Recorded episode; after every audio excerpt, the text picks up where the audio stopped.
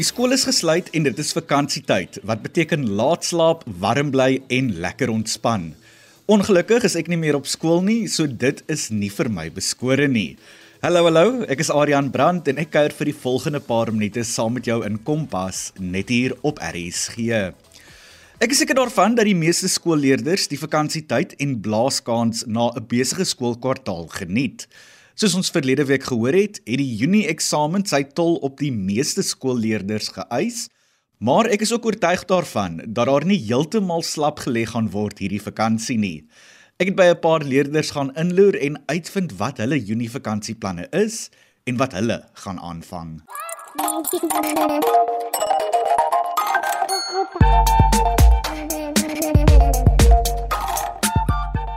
Ek en my familie gaan die Julie vakansie gaan ons um die eerste week Parel toe waar my broer verkrywing week gaan speel in die Parel. So dis waar ons die eerste week is en dan die res van die vakansie gaan ek maar net rustig by die huis wees en opvang met met ander skoolwerk en ons het vakansiewerk ook gekry, um huiswerk. So ek gaan dit beslis doen. Maar verder het ek niks anders om te doen die vakansie nie. So gaan maar net rustig wees. My Junie-Julie vakansieplanne moet ek ongelukkig 'n klein bietjie uitstel om 1 Julie en BT toetse te skryf. Ek beplan ook 'n bietjie in hospitaal te sjerre om te kyk of ek daar sal aard. Verder gaan ek 'n klein bietjie voorbereiding doen op die areas van die syllabus wat ek nog nie so 100% onder die knie het nie. Ek gaan ook 'n bietjie gemeenskapswerk doen in die plaaslike omgewing onder kinders wat nie so bevoorreg soos ek is nie. Dan sien ek sommer ook net uit na vriendin se kuier en inhaal op agterstallige medical dramas. My planne vir die uh, Junie vakansie is ek werk by 'n restaurant um vir die vakansie om 'n sakgeld te maak en ek oefen toneel vir die derde kwartaal. Hierdie Junie Julie vakansie gaan my gesin 'n bietjie op noord toe Limpopo toe om so effentjies van die koue te ontstap vir 'n week. En verder gaan ek maar hoofsaaklik by die huis wees. Ek gaan 'n werk hersien, um bietjie tyd agter die oordeel deurbring om my koraalspel te verbeter en ook probeer om my bestuurslisensie te kry. En dit is maar die planne vir die vakansie. Ek doen gewoonlik kelnerwerk in vakansie, maar Junie vakansie is gewoonlik bietjie moeilik want dan is dit toneelseisoen. Ek vlieg nou die 25ste Junie Johannesburg toe om 'n episode te gaan skiet vir 'n program wat in Oktober uitgesaai word. Dis vir die ATKV digitooneel kompetisie. En dan is ek uitgenooi vir 'n skryfskool wat die poort aanbied um die naweek van die 8ste, so dit is in Bloemfontein en daar dieselfde naweek het ek ehm um, geneem ons deel aan die Reese de Wettiner toneelkompetisie so. Dit is bietjie bedruk. Ek gaan in vakansie toneel regter oefen, maar ek glo ek sal daar 'n geleef ek 'n bietjie vakansie hou ook van vir jaar ook in vakansie, so ek moet seker iewers 'n blaaskans neem. Um my vakansie is nogals vol beplan. Ek gaan gaan jag en ek gaan vir my vriendin gaan kuier en ek gaan op 'n voortrekkerkamp en ek gaan 'n chefkursus bywoon. So dis 'n lekker volgepropte vakansie. Hierdie Junie vakansie sien ek uit na vele avonture. Ek gaan saam met my papie plaas werk. Dit is hoogtyd dat hierdie sagte eksamenhandjies 'n bietjie son en blaase kry. Dit is 'n goeie tyd om 'n bietjie kleur te kry voor die matriekafskeid. Sjoe, dit klink asof die meerderheid van die leerders omtrent besig gaan wees met aktiwiteite, werksvoorbereiding en sekerlik ook universiteitsaansoeke. Dit is tog een van die dinge wat ons in jeugmaand bespreek het op 'n Woensdag aand Kompas. Onthou, aansoeke vir die meeste naskoolse akademiese kwalifikasies sluit binnekort, so jy beter wikkel met jou aansoek. En so gepraat van jeugmaand, Ons het jeugdag op 16 Junie gevier en die jeug is die meerderheidsouderdomsgroep in Suid-Afrika. Hulle het werklik 'n sê en 'n mag om 'n verandering mee te bring in die land. Maar dit wil dikwels voorkom asof hulle nie self glo dat hulle die mag het om 'n verskil te maak nie. Daar is verskillende dinge wat hulle terughou om op te staan vir hul regte en om 'n verskil te maak. Ek het onlangs met 'n groep jong mense gesels en uitgevind wat dit is wat ons jong mense kan doen om 'n verskil mee te bring die uitdagings wat hulle in hul omgewings ervaar en dan ook natuurlik leierskapskwessies. Kompas. Kragvers en knetterend. Die eenvoudige antwoord vir my is om jou deel te doen waar die geleenthede is. Want soos my onderwysers altyd sê, 'n betrokke leier is 'n gelukkige leier. Uh volgens my is die eenvoudige ding, neem inisiatief. Wees 'n leier in jou gemeenskap en jou situasie en reik uit na ander, um raak betrokke, neem deel in die kwessies en die in die optogte en die dinge wat alreeds aangaan. En maak net 'n verskil alhoewel dit klein is alhoewel dit in jou gemeenskap is begin net 'n verskil maak. Ek sal sê om te stem en maak jou mening tel en om verskil te maak daar buite.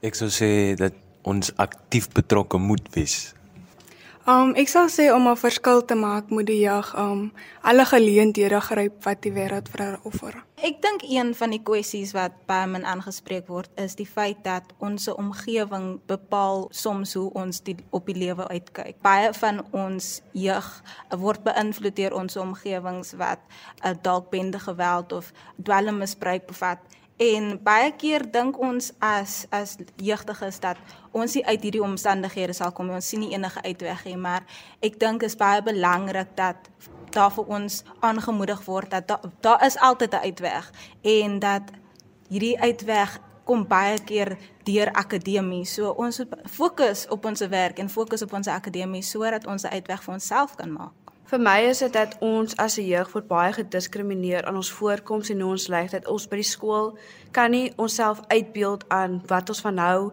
wat ons in ons rigting wil gaan eendag. Ons kan nie altyd ons soos onsself uitdruk soos hoe ons wil hê en hoe ons wil lyk nie. Ek dink 'n kwessie wat baie min aangespreek word is dat baie mense nog nie aanvaar dat mense deel wil wees of gebore is om aan die LGBTQ+ gemeenskap te wees nie en dat mense moet aanvaar dat jy kan nie help hoe jy voel oor sekere omstandighede nie en dat jy moet wees wie jy wil wees. Ek ervaar dat ons as 'n jeug deur 'n identity crisis gaan en dat ons nie regtig weet wat ons met onsself in die toekoms wil doen nie. Ons is nog onseker. Baie van ons as matrikulante op die oomblik is nog onseker oor wat ons wil doen en ek voel dat daar iets kan gedoen word om vir ons meer 'n uh, duideliker en 'n uh, makliker opsie vir ons te gee vir hy kwessie of hy saak ek te sorteer.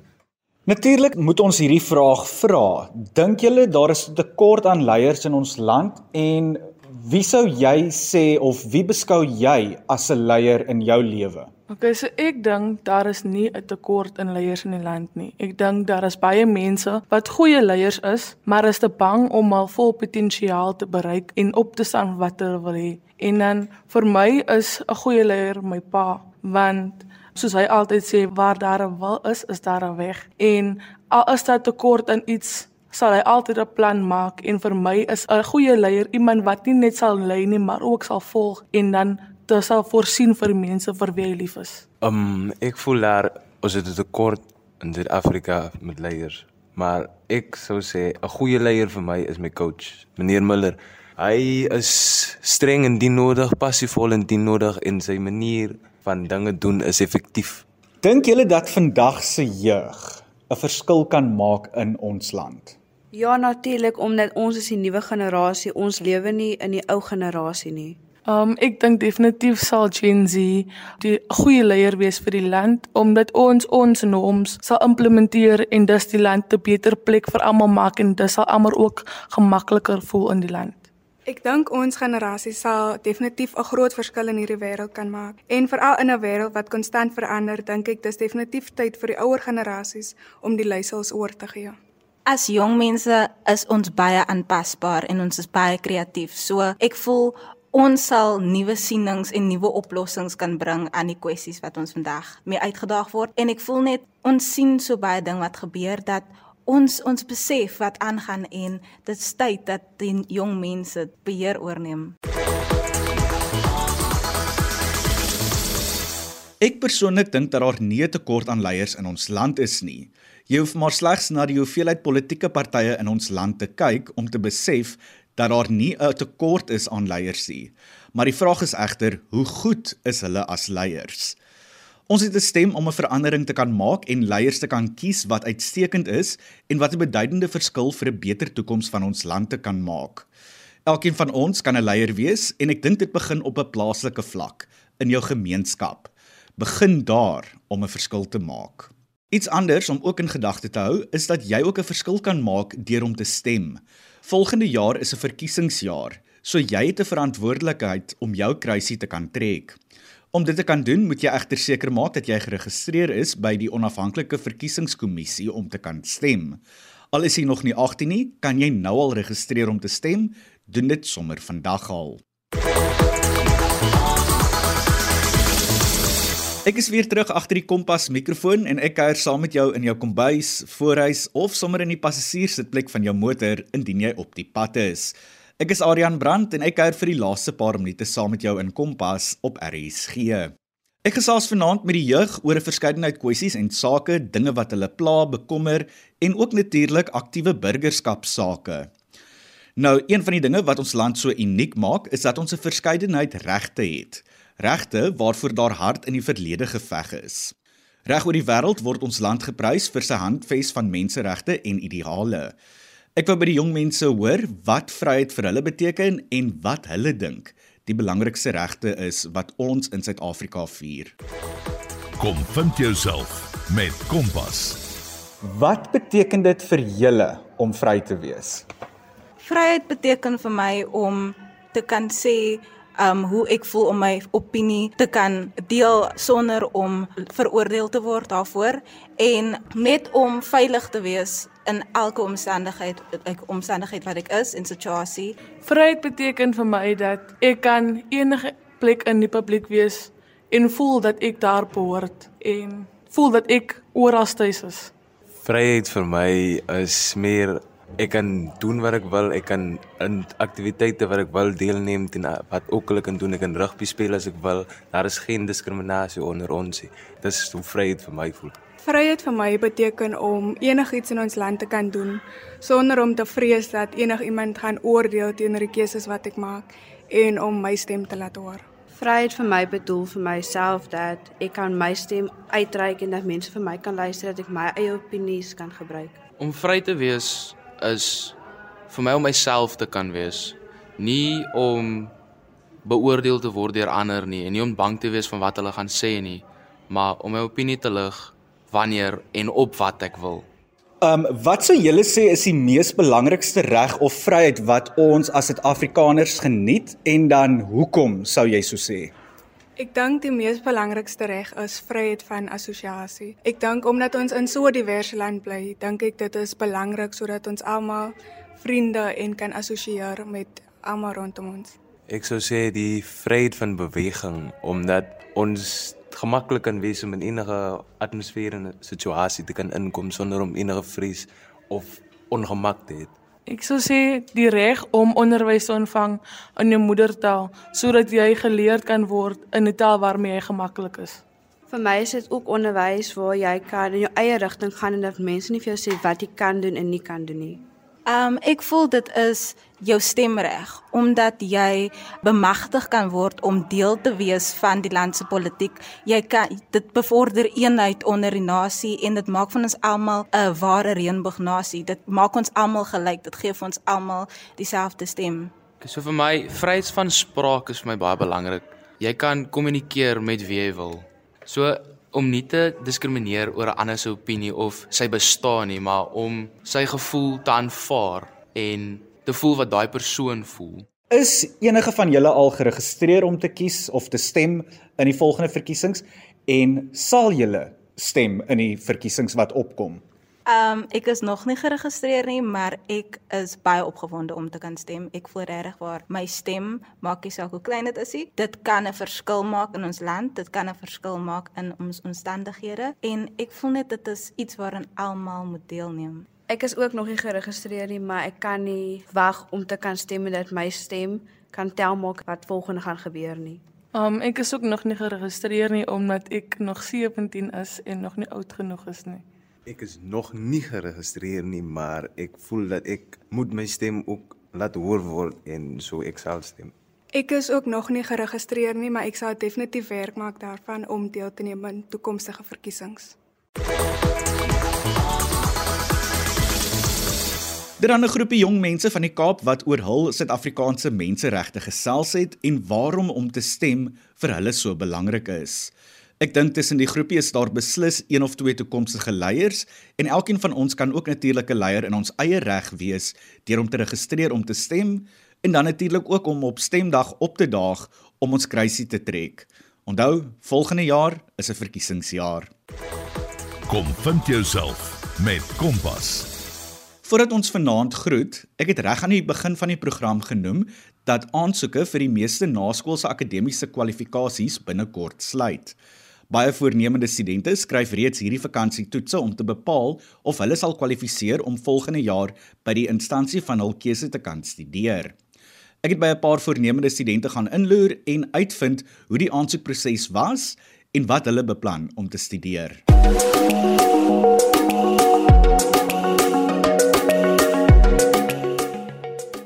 Ek het nogals redelik gesukkel met wat ek eendag wil word en wat ek eendag wil gaan swat en het verskeie aanlegtoetse gedoen by verskeie mense. Ek was self in Stellenbosch gewees om aanlegtoetse te doen en meeste van die mense het net vir my gesê of het vir my voorstelle gegee van beroepe wat ek kan doen en dit was net nie 'n passie van my gewees of waarvoor ek lus is nie.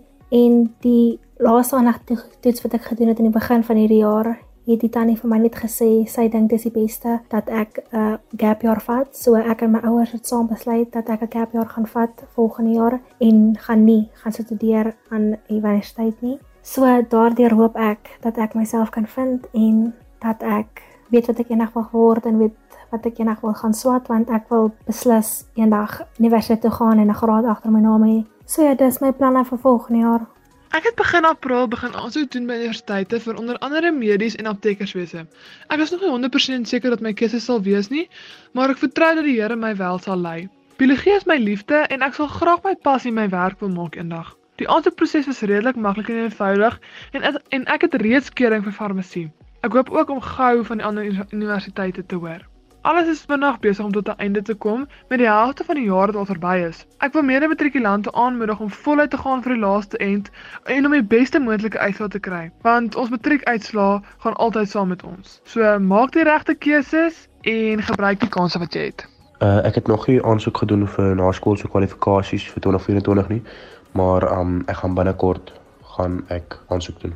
Ek het aansoek gedoen om medies te swat in 2024. Ek het by elke universiteit in Suid-Afrika wat 'n MBCAB het, aansoek gedoen vir 'n MBCAB en 'n BSc as tweede keuse. Die aansoekproses was daarom baie lekker geweest, was heel opwindend. Ek moet sê daar was dan nie iewers wat ek regtig probleme gehad het om my dokumente in te kry nie of probleme gehad het met duidelikheid oor watse taal ek die NBT's moet skryf nie. Want dit was 'n bietjie ding waaroor ek gewonder het want baie sommige universiteite vereis dat die NBT skryf terwyl ander dit nie doen nie. En na 'n bietjie rondsniffel op hulle webtuiste, kon mens darm sien wat gaan vir wat. Waar moet jy nou dit skryf, waar moet jy nou dat skryf? En die proses was darm heel ek wil amper sê heel aangenaam geweest. Dit was alles heel duidelik en jy het geweet wat van jou verwag word. So daarmee reg tevrede. Maar nou lê hier lank wag om te hoor verkering voor, maar ek het volle vertroue dat wat moet gebeur, sal gebeur.